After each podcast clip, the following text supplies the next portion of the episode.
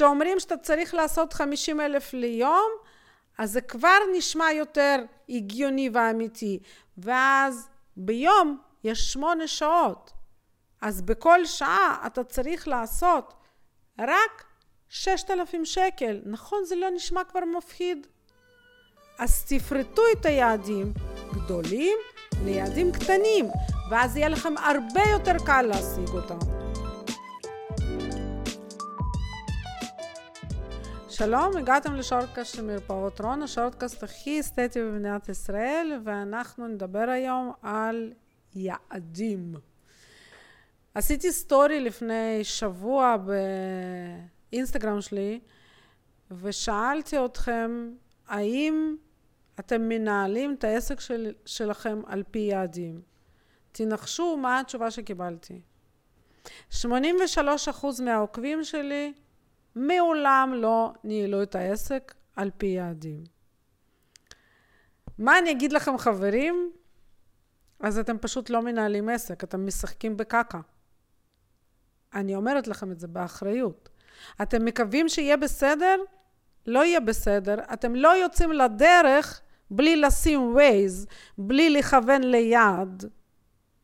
כשאתם שמים ווייז, אתם מכוונים ליעד. אז למה כשאתם מתחילים עסק אתם לא מכוונים ליעד? אז אה, שאלתי גם, האם אתם רוצים שנדבר על יעדים? וקיבלתי תשובה חד משמעית מרוב העוקבים שלי, שכן, אתם רוצים שנדבר על יעדים. אז מה זה יעדים?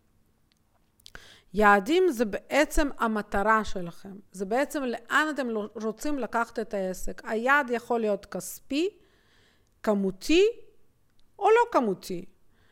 בדרך כלל הרבה יותר קל לנהל יעדים כמותיים ולכן אני תמיד ממליצה תחשבו את היעדים שלכם. תחליטו, תתרגמו את כל היעדים שלכם למספר. תחליטו מה אתם רוצים.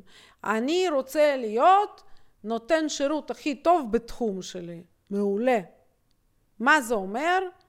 שאתה נותן שירות הכי טוב בתחום שלך, שיש לך עשרה לקוחות, חמש עשרה, עשרים, מאה, אלף.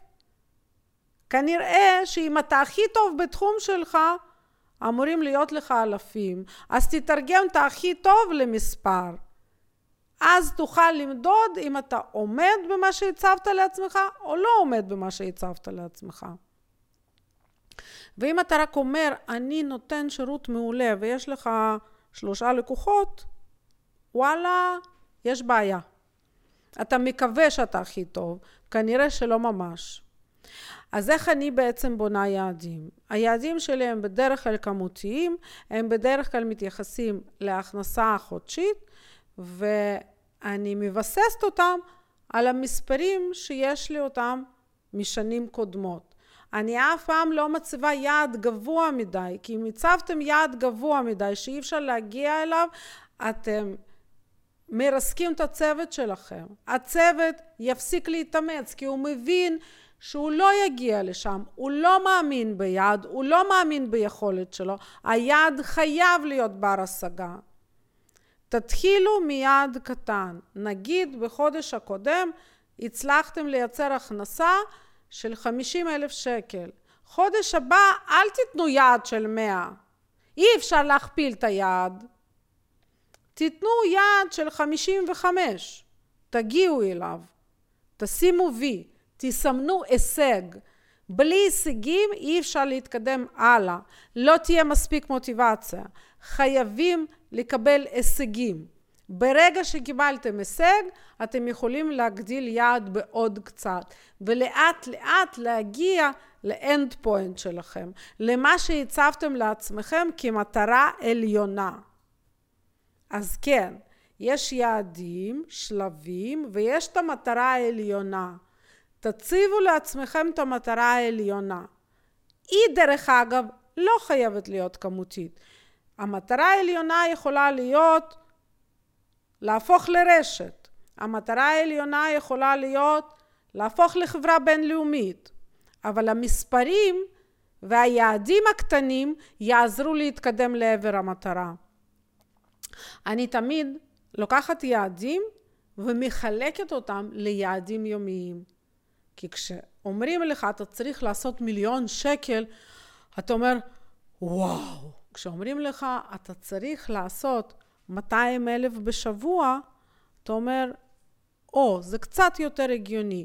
כשאומרים שאתה צריך לעשות 50 אלף ליום, אז זה כבר נשמע יותר הגיוני ואמיתי. ואז ביום יש שמונה שעות. אז בכל שעה אתה צריך לעשות רק 6,000 שקל. נכון, זה לא נשמע כבר מפחיד? אז תפרטו את היעדים גדולים ליעדים קטנים, ואז יהיה לכם הרבה יותר קל להשיג אותם. חברים, יעדים זה חלק בלתי נפרד מהצלחת העסק שלכם. אין לכם יעדים, אין לכם עסק. אתם לא יודעים לאן אתם הולכים ולאן אתם תגיעו. לקוות שיהיה בסדר זה מהמם. אבל זה לא יקרה, זה חלום. ומה שהופך את החלום למציאות זה תכנון ויעדים. אז תהפכו את החלומות שלכם ליעדים, תתכננו ותגיעו. ואם היה לכם מעניין, אז אנחנו ניפגש בפרקים הבאים ואני מבטיחה לספר עוד הרבה דברים.